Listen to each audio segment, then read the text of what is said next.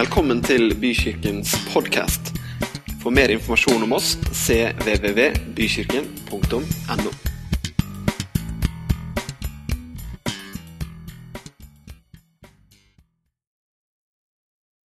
Takk, Jesus, for at du er hellig.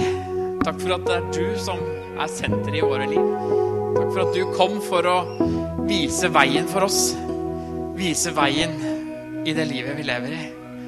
Og gi den retningen som, som vi er skapt til å leve for. Takk skal du ha for det, Jesus. Det er godt å ha funnet deg. Det er godt at du strakk ut hånda di til oss for å vise hvor mye du elsker oss. Hjertelig takk for det. Amen. Tusen takk skal dere ha. Det er et eller annet når man synger uh, hellige sanger, fikk jeg lyst til å kalle det. Uh, for det er ikke Ja, jeg kan godt ta den. Jeg kan ta alle bord jeg får. Jeg, jeg er veldig glad i bord. uh, jeg må hente litt vann også, for i dag skal jeg preke lenge. Det er alltid gøy når man får høre det. Å ja, han skal ha vann også. Da kommer han til å holde på i en halv evighet. Men uh, det skal vi prøve å unngå, da. Har dere det fint? Er det en fin søndagsmorgen? Det er et eller annet som skjer når man skrur dette døgnet uh, litt sånn fram og tilbake. Man tenker jo ofte at man får en time ekstra på natta. Den forsvinner innmari fort, den timen der. Jeg vet ikke om det er flere som har opplevd det, men jeg kjenner i hvert fall det, at den skal man liksom utnytte til det ytterste. Og så, er den fort borte, gitt. Merka det i dag morges. Men det er sånn uh, livet er. Så er det også litt annerledes nå enn det det var for noen år siden. For før så måtte jo vi faktisk stille klokka. Mens nå går jo det ganske automatisk hvis du har smarttelefoner. Og sånne ting. Og for et par år siden så var vi på, på reise akkurat den dagen liksom, vi skulle rekke tidlig fly. da, morgenen etter. Så vi var sammen med et annet par, og så begynte vi å lure på okay, hvordan er det her igjen. Stiller den klokka seg av seg sjøl på telefonen, eller gjør den ikke det? For hvis, Dette var da motsatt vei, så vi måtte stille klokka frem. Så hvis vi ikke hadde fått med oss det, så hadde vi kommet en time for seint. Og det husker man, i hvert fall jeg, da, aldri. Så, og Vi var, hadde da fire smarttelefoner og tenkte hva, hva, gjør vi her nå? Fordi det kan jo hende at den ikke stiller seg, og vi ikke får det med oss på morgenen. Så vi var veldig usikre helt til vi kom på flyplassen og fant ut at vi faktisk da hadde fått dette her riktig. Men det er godt å se at du er her i dag. Vi, I dag hadde vi en ekstra time å gå på. til og med. Så det er fint. En liten icebreaker der, altså. Dere, Vi har snakka en del i det siste om hvordan kirke fungerer. Hva som er meningen med kirka. Og hvordan dette passer sammen i en individuell livsstil som vi lever i i dag. At, at det er lett å tenke først på seg sjøl. Vi blir oppfordra til det hele veien. At man liksom skal finne seg sjøl først, og så liksom gjøre det beste for seg sjøl og de som er nær seg. Og så, og så, passer ikke det alltid helt sammen med det kirka skal være. For kirka handler jo først og fremst om andre mennesker og Gud, og ikke seg sjøl. Dette har vi prøvd å sette fokus på de siste ukene. Bent Ove snakka om, om, hvordan og, og Einar nevnte det i dag også, hvordan vi ønsker at flest mulig skal involvere seg i kirka, få eierskap i kirka, delta i kirka, gi det man har fått sjøl, inn i et større fellesskap. Gi det til noe større enn seg sjøl. Stian snakka forrige uke om hvordan invitasjon er viktig i en kirkekultur. Å invitere folk inn i sitt eget liv, åpne opp sitt eget liv, men også åpne folk opp for kirka. Invitere folk inn i kirka.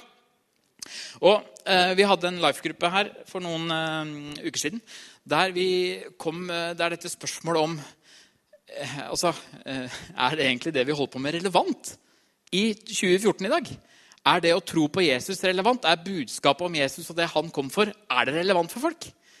Og Det tenkte jeg skulle snakke litt om, da, om, om hvordan vi kombinert med det vi har liksom snakket om de siste ukene, kan få en relevant kirke. For det er jo det vi ønsker. Og det er jo det Gud ønsker. Han ønsker å være til stede i folks liv. Og Det siste jeg har funnet av, av statistikk fra 2009, det viser at 2% av den norske befolkning går i kirka på søndager. 2% 98% velger altså å ikke gå i kirke på søndager. Er Kirken relevant for folk i dag? Eller er det budskapet som ikke er relevant for folk i dag?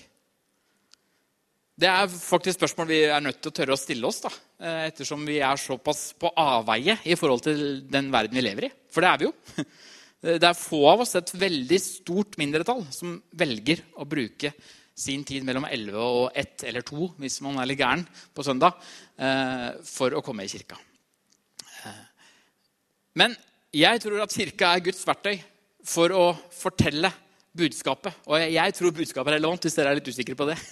Så, så tror jeg vi skal klare å lande på riktig side i dag. Altså. Ellers så kunne vi jo lagt ned. Jeg har ikke tenkt å si at vi legger ned Bykirken i dag. hvis dere har blitt litt bekymret. Men vi må tørre å ta de spørsmålene på alvor. fordi eh, det er jo det resten av kulturen vår eh, sitter igjen med også. At kirke er jo ikke så relevant. Så vi skal dykke inn, hvis det er mulig, eh, i det i dag. Det som er et lite sånn paradoks med Gud og det oppdraget han har gitt oss, er at Jesus han gjorde alt for oss.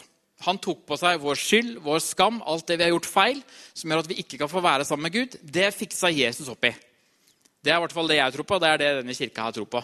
Vi, vi, vi, vi, presterer ikke eh, å være sammen med Gud sjøl, men det er det Gud som har ordna for oss. Og det vi trenger å gjøre, er å ta imot en sånn gave. Det kalles nåde. Er vi med på det? Det er liksom et grunnlag, hele grunnlaget i troa vår. Men paradokset er at eh, hvem skal fortelle om de? Hvem skal fortelle denne nyheten? Hvem er instrumentet for å vise hvem Gud er på jorda? Jo, det er jo oss.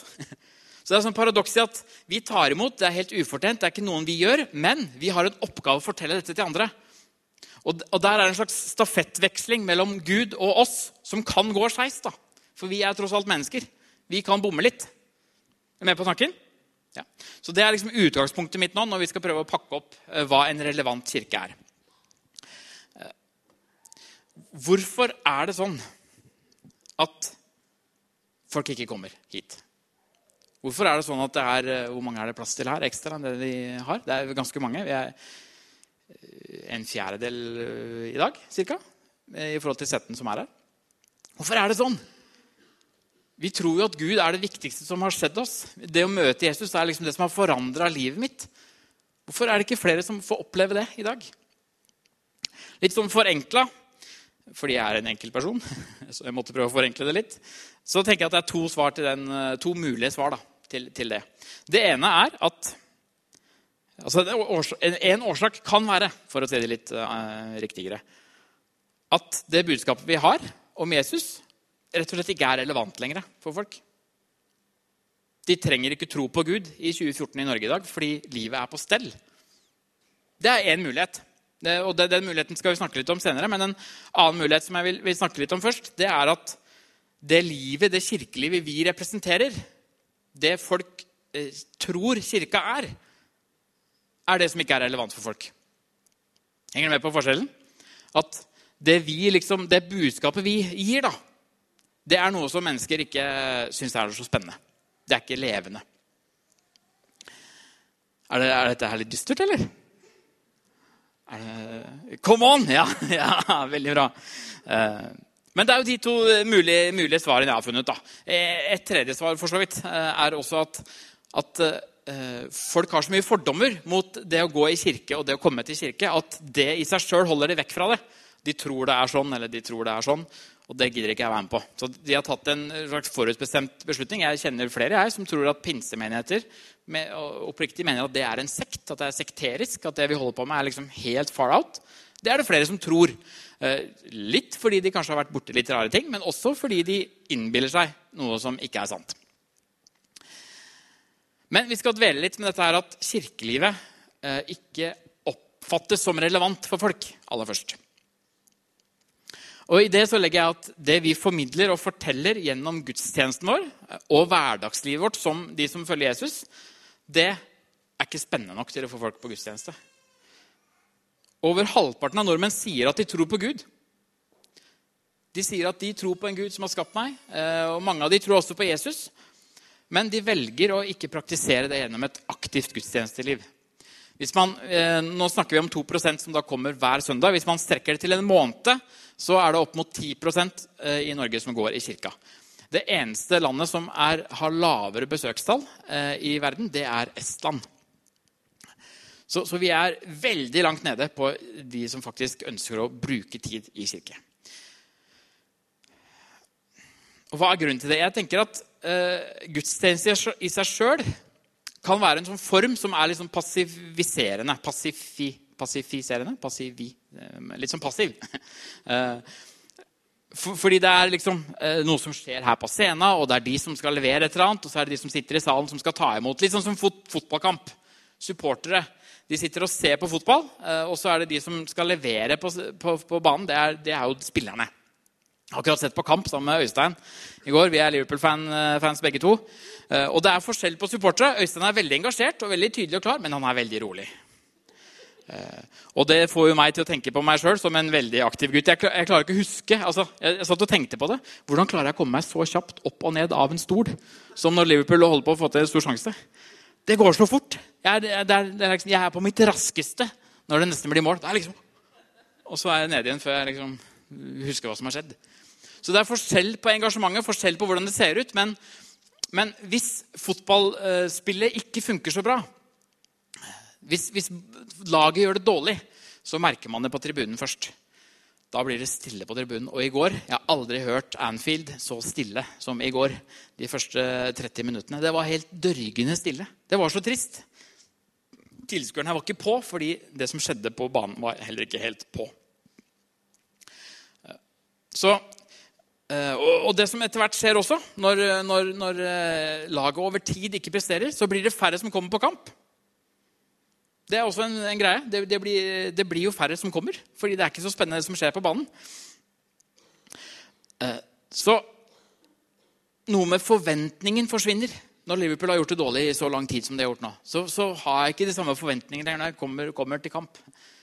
Da er det ikke sånn at jeg liksom tenker at i dag skal det bli en kjempedag. Fordi jeg har liksom fått så mange bevis på at det ikke har vært det. Så det kan være at noe av grunnen til at folk ikke går i kirka, er også at man får ikke oppleve det man egentlig ønsker når man kommer til kirka. Men jeg vil litt bort fra dette med den passive tilskueren. Eh, det skal vi snakke litt mer, om etter hvert. Men, det handler om hva vi som fellesskap gjør når tilskuere også er aktive. Når de kommer av en grunn, når de kommer for å bidra, når de kommer for å heie. Så blir Anfield eh, Road, som da er hjemmebanen til Liverpool, en av de mest kjente banene i, i, verden, og som har en fantastisk atmosfære. Fordi folk kommer for å være den tolvte spilleren på laget. Folk kommer for å bidra, for å gi alt de har. De er litt sånn, da. Eh, og det er det jeg håper litt at kirke kan bli etter hvert.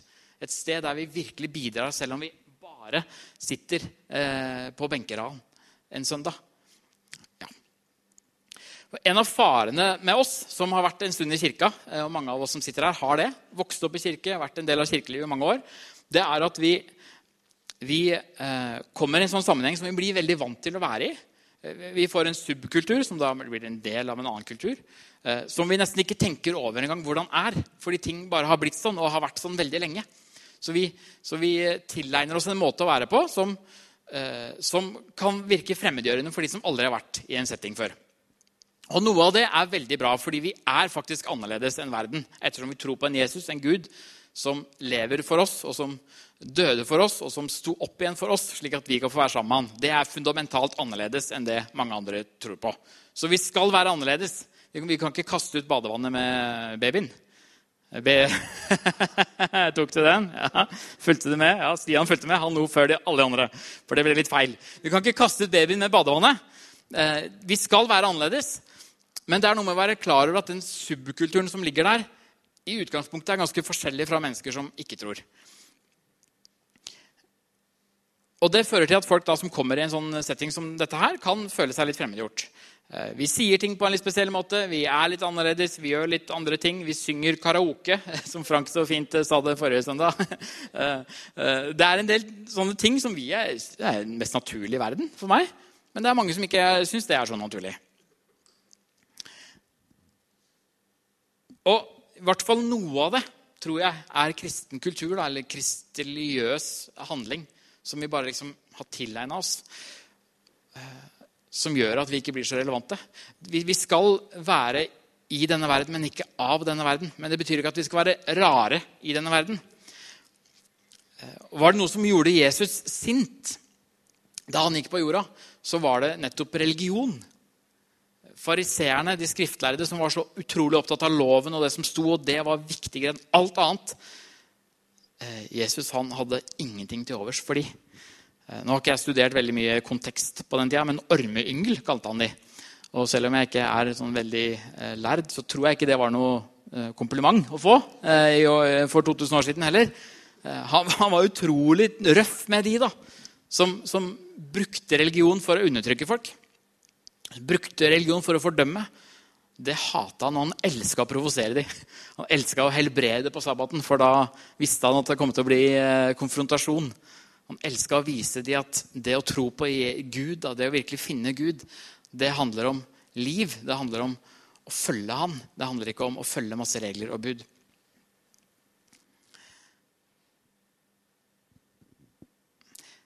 Og så er det, som jeg også nevnte, En del av bildet som jeg også har snakka om før, er jo at folk rett og slett ikke helt vet hva vi holder på med her. De tror de vet det. De har aldri vært her før, men de har hørt noen rykter. Eh, og så tror de at ting er helt annerledes enn det det egentlig er. Ok, Da har vi liksom satt litt sånn premisser for hva jeg tror de utenfor tenker. når de kommer inn hit. Og så skal vi se litt på hva vi kan gjøre med det. Er ikke det spennende, dere? Eh, for én ting er hva vi kan gjøre, en annen ting er hva Gud kan gjøre. Det er to forskjellige ting. Det er dette, der, dette litt sånn eh, paradokset som jeg innleda med. Hvis det skal være relevant å komme i den kirka her, hvis det skal bli fullt i den kirka, så tror jeg det er noen prinsipper vi må få inn i livet våre. Og Noe av det har vi snakka om før. Og, og, og, eh, Stian nevnte det veldig, veldig bra her for, Eller nevnte det, han snakka om. Det, det, var hele talen hans i forrige søndag. Han var så vidt innom, liksom. Uh, dette med å invitere folk inn i livet sine og invitere folk inn i kirka. Uh, det er veldig få som dropper innom her helt tilfeldig som er ute og går søndagstur på Ringveien. Og liksom Oi, her var det en spennende konferansesal òg. Det er masse folk og biler utafor der. Kanskje vi skal gå innom. Er det noen her i dag som har gjort det? Nei, ingen her. De fleste har hatt et bevisst forhold til å komme hit. Enten uh, går det her vanligvis sjøl, eller så har du kommet på at du skal komme hit i dag. Eller så har noen invitert deg hit. Så kan ikke du bli med til Bykirken i dag? Veldig få kommer hit sånn bare oh, så det er noe av grunnlaget. Hvis folk skal liksom få et forhold til hva vi holder på med, så må de bli invitert hit for å komme. Okay? Det andre som må skje, er at hvis du har blitt invitert og kommer hit, så må du føle deg velkommen. Du må føle deg inkludert. Du må føle deg hjemme. Kirka må være et hjem for mennesker. Uavhengig av hva du tror på før du kommer hit. Det er ikke noen sånne preferanser vi har for at du skal føle deg hjemme. Men du skal være hjemme her uansett. Og det handler om eh, hvilket språk vi bruker, det handler om eh, hva vi bruker tida vår på når vi møtes som fellesskap. Det handler om å bli sett og bli inkludert. Eh, og det handler om litt om hvordan vi snakker, som jeg sa, språket vårt. At vi snakker om oss som mennesker. At vi ikke snakker om vi og de andre der ute. Men Gud har faktisk skapt alle mennesker. Vi er ett. Eh, vi er en menneskeenhet. Det er ikke forskjell på mennesket. Selv om vi er veldig eh, forskjellige, da. Eh, må jeg jo si. Ja, litt forenkla der også, da. Og vi tror at i tillegg til et gudstjenesteliv der folk virkelig blir sett og blir møtt og blir hørt, og forhåpentligvis får høre noe relevant, så tror vi at det å være en del av et livsnært fellesskap er noe av løsningen for å bli sett, for å bli hørt, for å kunne komme nærmere Gud, for å være en del av et relevant kirkeliv. At man faktisk er en del av noe, engasjerer seg, får høre om hvordan andre opplever Gud, og for også å dele hvordan man selv opplever Gud. Dette er fint, da, er det ikke det? Jeg syns det er kjempefint. Men det er ikke så farlig. Det viktigste er om dere syns det er bra. Egentlig.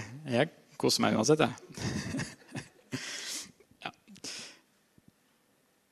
Men, men, når man har det på plass, da, når man har en mulighet til å være seg sjøl, når man har, vet at man blir sett, blir inkludert, så kan man liksom hvile litt Og være ærlig med seg sjøl, være ærlig med livet sitt og stille de riktige spørsmåla og kanskje til og med få noen svar på at, på at, Gud er veien. Det å komme nærmere Gud, uansett om du allerede har tatt imot han eller ikke, men det å komme nærmere han hele veien, det er liksom essensen med å leve.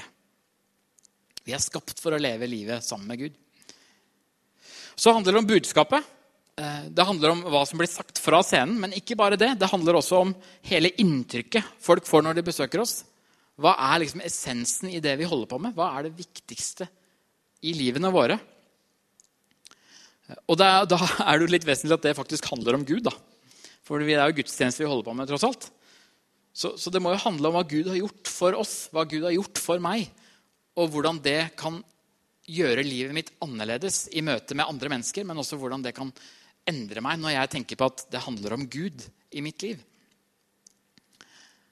En annen ting som er viktig, det er å kunne delta i kirka.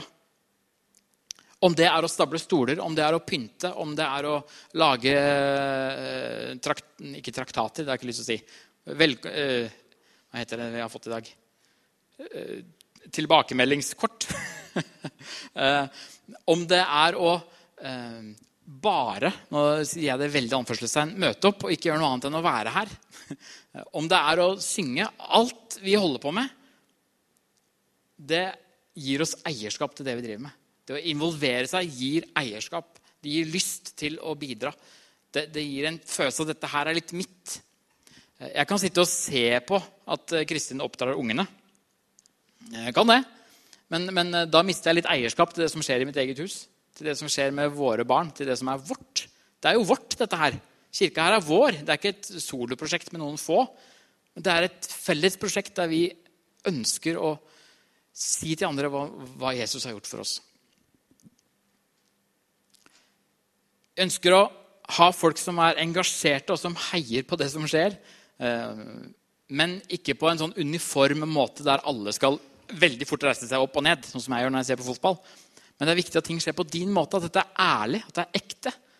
At du kan være deg sjøl, men du kan være engasjert når du sitter på stolen din, og når du holder på med et eller annet i kirka. Det å delta er utrolig viktig. Og så er vi nødt til å ha en relevans til den kulturen vi er en del av. Formidlinga av evangeliet må se annerledes ut i 2014 enn det det gjorde i 1950. Fordi mennesket var annerledes i 1950 enn det det er i dag. Folk er annerledes, vi har andre referanser.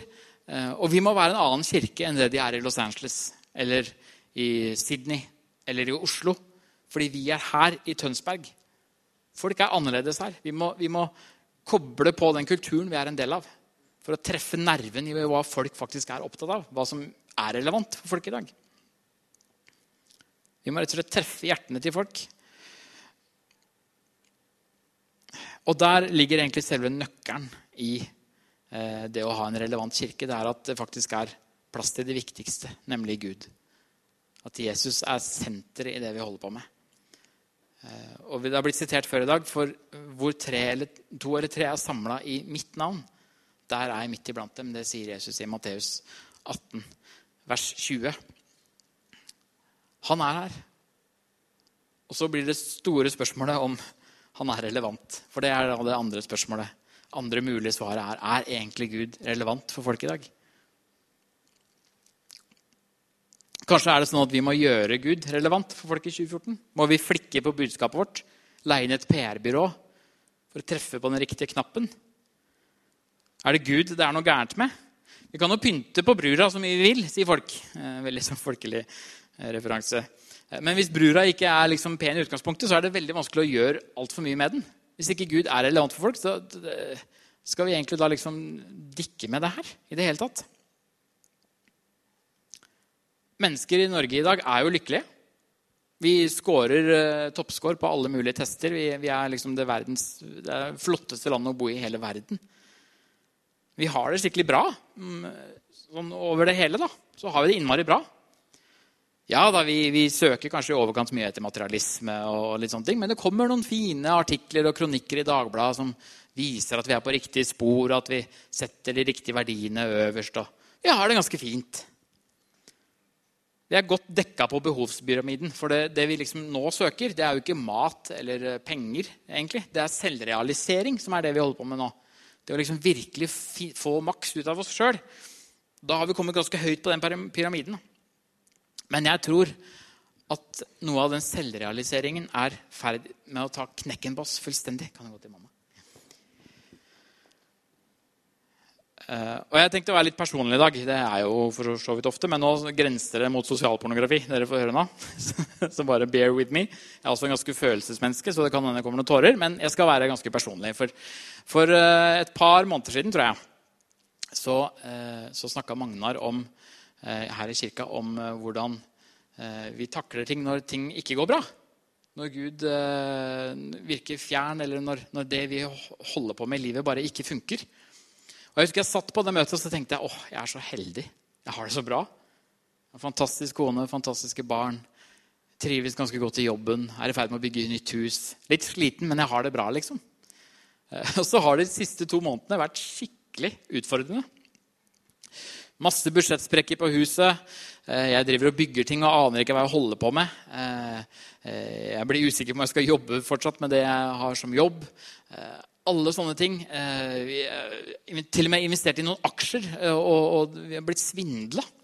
Eh, det har vært så mye tull. Og i tillegg da, så, så begynner huset som vi bor i nå, det begynner å liksom slå sprekker. Ikke så ille, men, men, eh, det ryker ting i hytt og pine som vi må betale for. Så det er, bare, det er skikkelig tøft.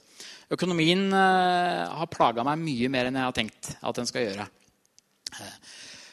Og så har det vært godt å ha denne Magnar sin preken, men det har likevel liksom vært mye fokus da, på materialisme i hodet mitt. Hvordan skal vi få dette til å funke? og Hvordan skal vi få ferdig dette huset her? og Eh, hvordan skal jeg klare å kombinere det med å være pappa, bygge hus, eh, bygge kirke og holde på med en jobb til og med? Hvordan skal jeg få til alt dette her? Jeg har følt meg så maktesløs, så ute av meg sjøl, så ute av kontroll og utrolig dårlig selvtillit rett og slett, på alt jeg holdt på med. Følt at jeg ikke får til noen ting. Eh, og så, når det, liksom, det der topper seg, og jeg tenker på bare meg, så Eh, så skjer det altså et dødsfall i veldig nær familie. Eh, som, som skjer etter lang tids sykdom, eh, men, men, likevel kommer som et sjokk for alle sammen. Og ikke at jeg tror at det liksom var for å vekke meg opp. Men det som skjer hos meg da, er at ok, økonomi det er ikke så viktig. Jobben min det er ikke så viktig. Det som er viktig, er livet med andre folk ta vare på de rundt oss. Og virkelig bruke livene våre på de riktige stedene.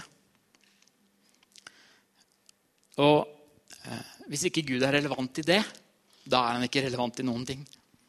Hva hadde jeg vært, Hva hadde jeg vært gjennom denne perioden uten Gud? Hvor hadde ankeret mitt vært i det livet her? Uten min Gud?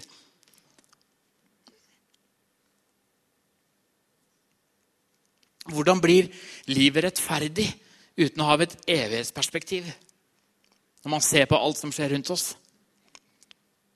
Eh, hvordan er det mulig å ikke tenke de tankene? Hvordan er det mulig å, å, å, eh, å overleve uten en, en, Gud som elsker oss? Uten en Gud som har tatt initiativ og sagt 'Hei, jeg er her for dere'?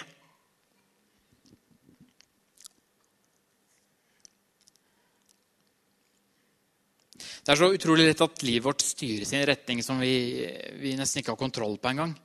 Det er så fort gjort å komme i det fokuset på seg sjøl og det jeg skal få til. Å, vi skal få et sånt nytt hus, det blir så fint. Og når vi har fått til det, da blir liksom livet herlig. Eh, jeg skal bare få meg en Tesla, og da blir livet fint. Det er så fort gjort å komme i den bølgen. Jeg har gjort det sjøl. Og jeg tror flere av oss gjør det, selv om vi allerede tror på Gud og Jesus og vi vet egentlig veien og hva som er viktigst i livet vårt så, så er det så fryktelig fort gjort å bli distrahert. Og hvis vi ikke lever et annerledes liv, så er ikke kirka relevant. Eh, men i denne prosessen, da, der det har vært eh, ganske tøffe tak, så, så har jeg tenkt på en diskusjon jeg husker jeg hadde på videregående skole. Der eh, jeg diskuterte med en kar som var mye smartere enn meg. Og en av de tingene han sa som jeg var veldig uenig i da, det var at Eh, troen din, det er jo en krykke. Gud er jo en krykke for livet ditt. Det er bare noe du støtter deg på. Og jeg var så uenig med han i det da, for jeg hadde det veldig fint. Og jeg, en, eh, jeg hadde det bra. Jeg var en ureflektert ung mann på 17 år som, som syntes livet var bra å leve. Jeg tenkte nei, Gud er jo også her for vellykka mennesker. Men vet du hva? Han hadde rett. Gud er ikke bare en krykke, han er en eneste stor hjelpestasjon for alle mennesker. Og ikke kom og si til meg at mennesker ikke har trøbbel i dag. Ikke kom og si til meg at mennesker i verdens lykkeligste land ikke trenger noe dypere. Koble seg på en Gud som er der hver eneste dag hvis vi ønsker det. Ikke kom og si til meg at det budskapet ikke er relevant for mennesker i dag. Alt det vi strever med, alt det vi har av krav og plikter og forventninger. En avgud. Så da trøster jeg meg når Jesaja sier i kapittel 41 vers 10 at frykt ikke, for jeg er med deg. Vær ikke redd, for jeg er din Gud. Jeg gjør deg sterk og hjelper deg og holder deg oppe med min rettferds høyre hånd. Tenk å ha de versene, da. Tenk å ha Gud som forteller det til akkurat meg, akkurat nå. Det er ikke noe som kan erstatte det. Det er ikke noe som er irrelevant med det budskapet. Jeg opplever Gud som veldig relevant i livet våre. Han har skapt jorda, han er redningsmannen for de som ønsker å tro på ham.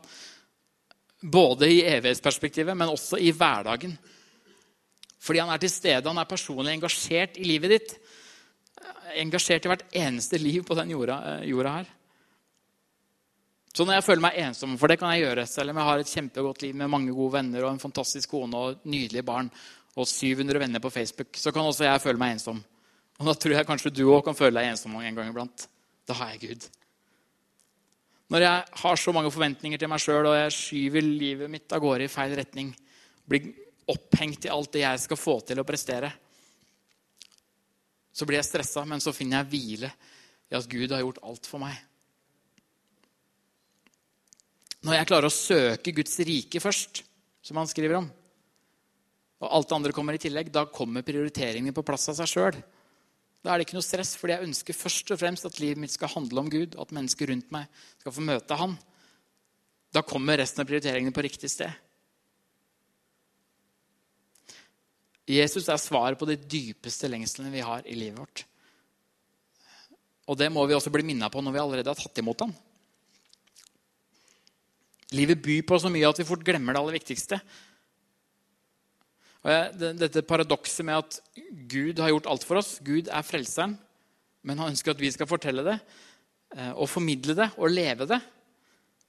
Det er en utfordring som vi må ta på alvor for at kirka skal bli relevant. Eh, vi skal se litt på en profet eh, som het Elia.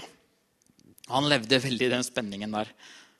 Han var profet under kong Akab, Eh, som regjerte som drøye 100 år etter at David eh, døde. Eh, og vi vet kanskje at David var en av de som virkelig brakte Gud tilbake på banen. Han fikk veldig mye på plass i Israel.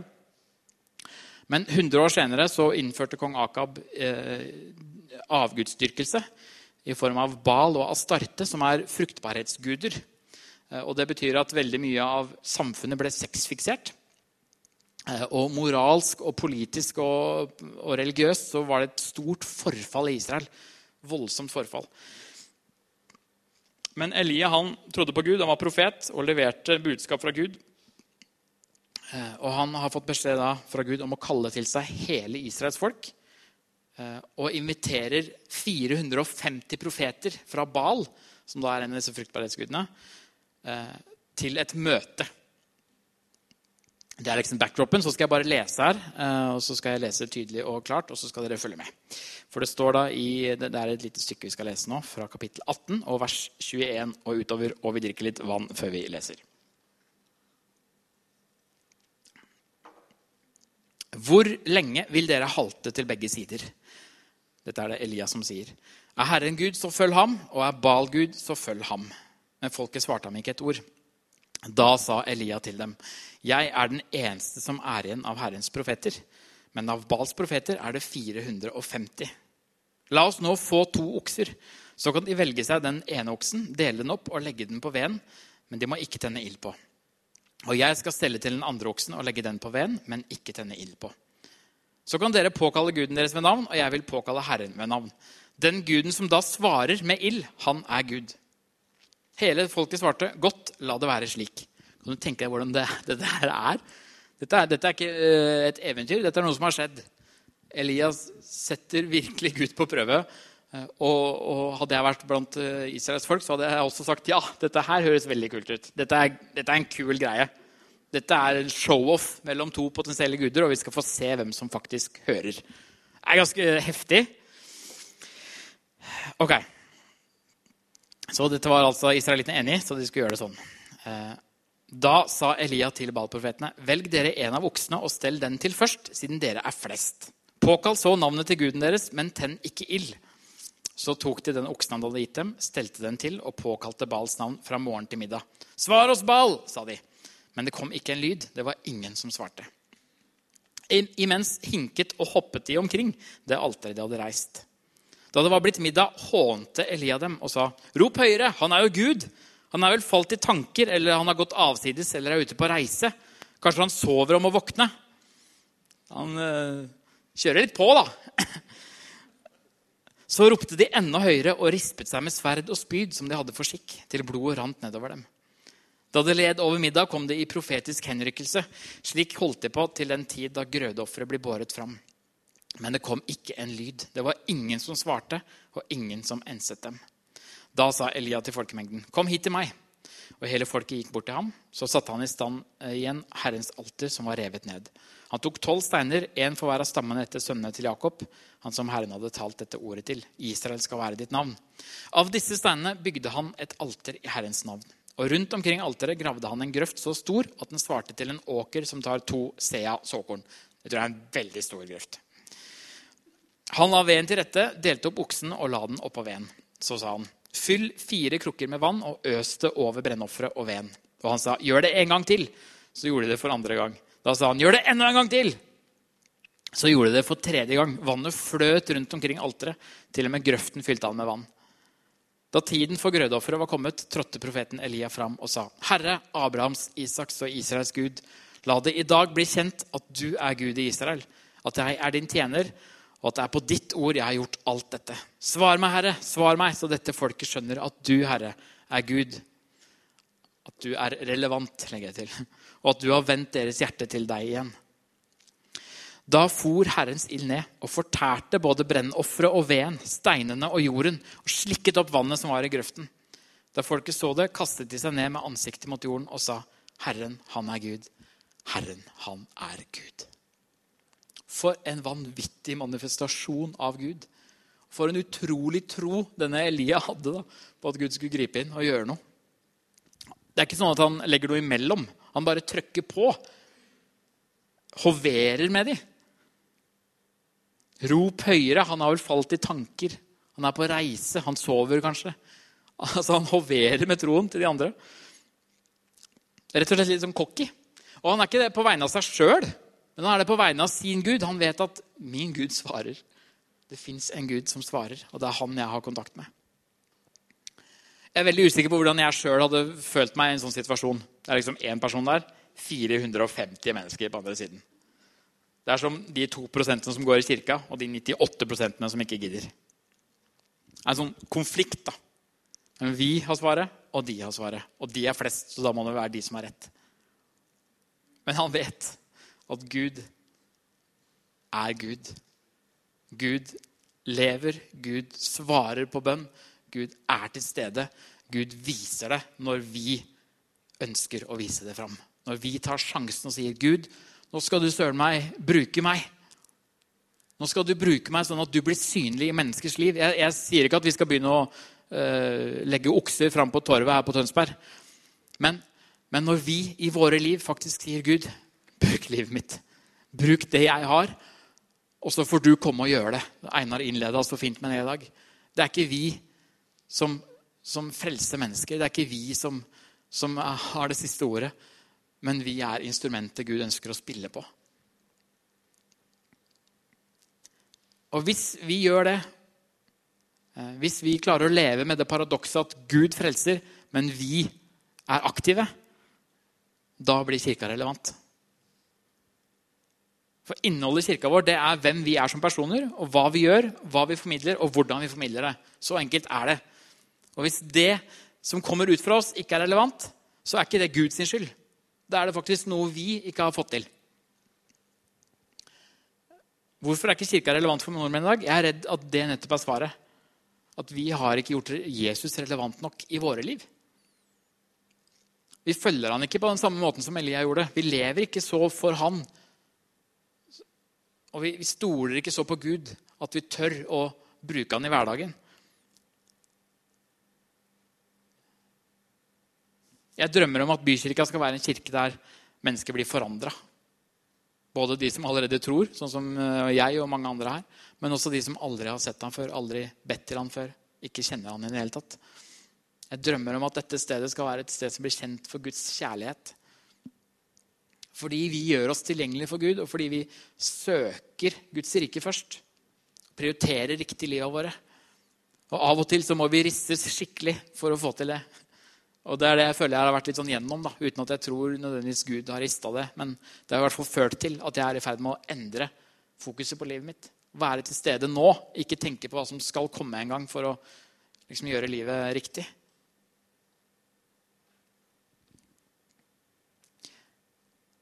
Vi trenger noen som sier Hei, dere er 98% dere er på villspor.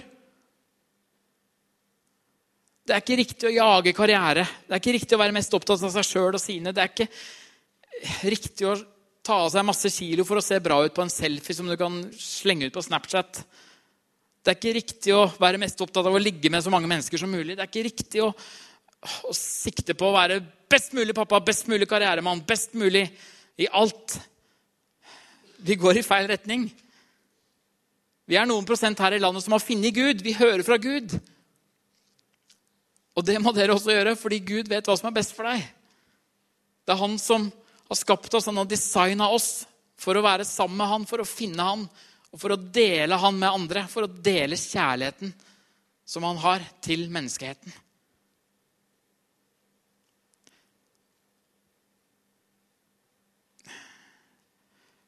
Dere, 98 dere er egentlig avhengig av han. Dere vet det bare ikke sjøl ennå. Dere har rota dere bort til et hjørne som dere ikke kommer dere helt ut av. Der det er snakk om karriere og jag og mas og alt man skal prestere sjøl. Og vi blir også litt sånn lurt dit. Men det er et hjørne som ikke er noe bra. Det er et hjørne som, som ikke gir deg støtte når du trenger det. Det er et hjørne som ikke svarer når du ber.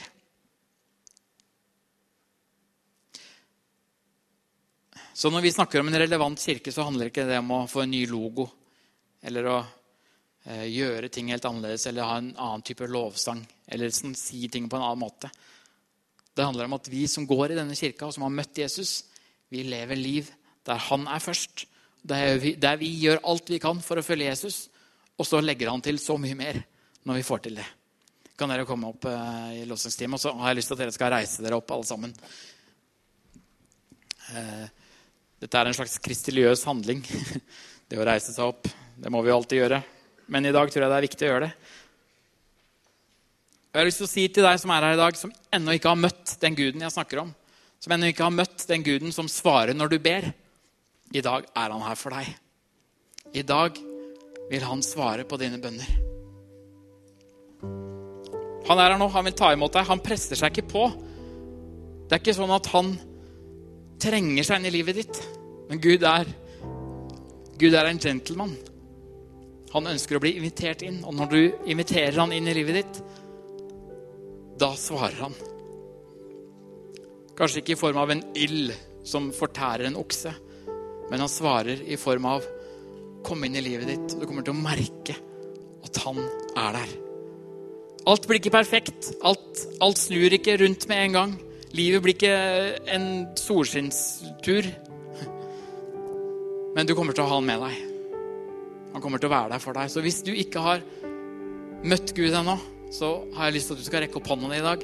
Så skal vi be sammen med deg, sånn at du får se han for den han virkelig er, og det han har gjort for deg. Det er den ene utfordringa jeg har lyst til å gjøre. Jeg bare sier det en gang til. Rekk opp hånda di. Det er ikke sånn at vi skal eh, sette press på deg, og at du skal komme fram. eller noe sånt. Det er bare for at du skal ta det første skrittet.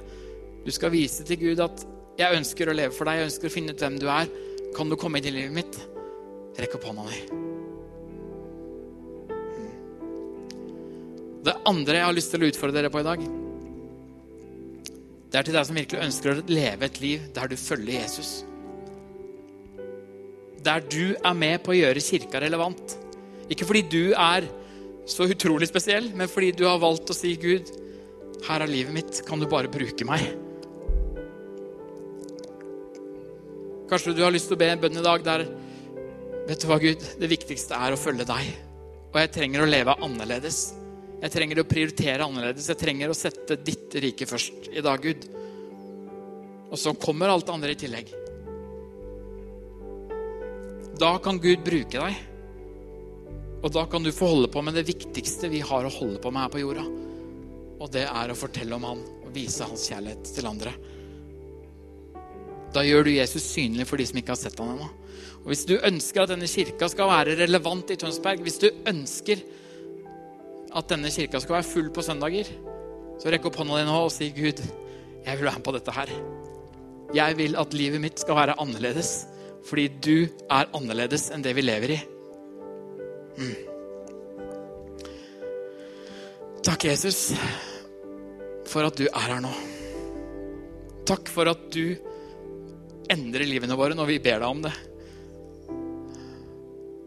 Når vi blir desperate nok til å se at du er løsningen, så endrer du på livene våre, og det ber jeg om at du skal gjøre nå.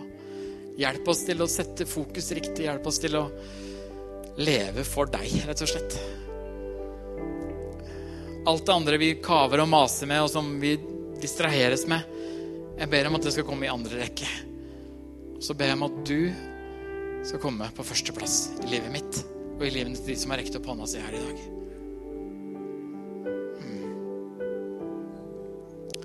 Takk for at det ikke er oss som frelser, men at det er du som tar deg av det.